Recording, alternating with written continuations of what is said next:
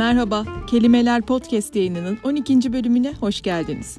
Bu bölümde iddialı bir giriş yapıp size yepyeni orijinal bilgiler vereceğimi vaat ediyorum. Umarım bu iddiam boşa çıkmaz yoksa Hanya'yı Konya'yı görürüm.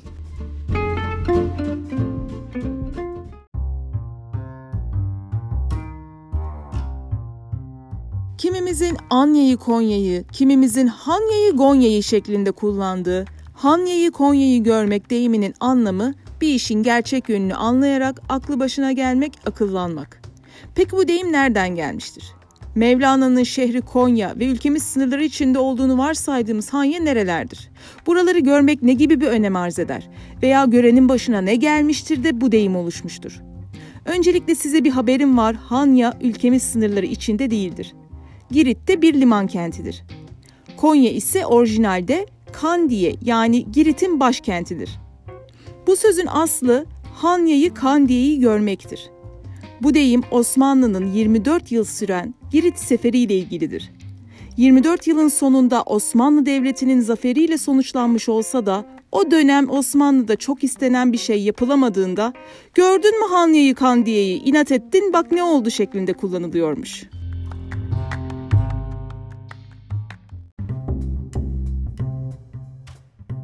Bir şeyden veya bir durumdan bunaldığımızda kullandığımız sıtkı sıyrılmak deyiminde bir erkek ismi olan sıtkı bir yerlerden sıyrılmamaktadır.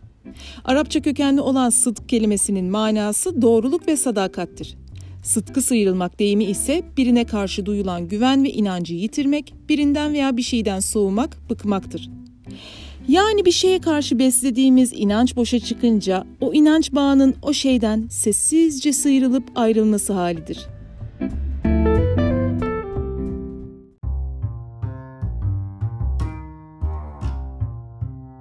Ali bir şekilde punduna getirip bu işi yapmaya ikna etti. Şeklinde sizler de punduna getirmek deyimini kullanmışsınızdır. Nedense bana punduna getirmek toplantıyı set etmek gibi uydurma bir söz gibi geliyordu. Fakat sözlükte yeri var ve manası ise bir şeyi yapmak için uygun zamanı seçmek. Kimileri kunduna getirmek olarak kullansa da doğrusu punduna getirmektir. İtalyanca'da nokta anlamındaki il punto'dan gelir. Evet yanlış duymadınız. Arapça veya Farsça değil İtalyanca. Aynı zamanda İtalyanların cogliere il punto şeklinde fırsat yakalamak anlamına gelen bir deyimi vardır.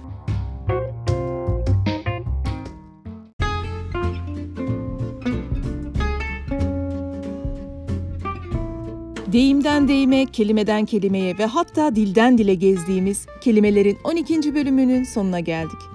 Bu bölümü beğendiyseniz oy vermeyi ve abone olmayı unutmayın. Bana her zaman kıymetli görüşlerinizi Instagram'da Kelimeler Podcast hesabından sunabileceğinizi hatırlatmak isterim.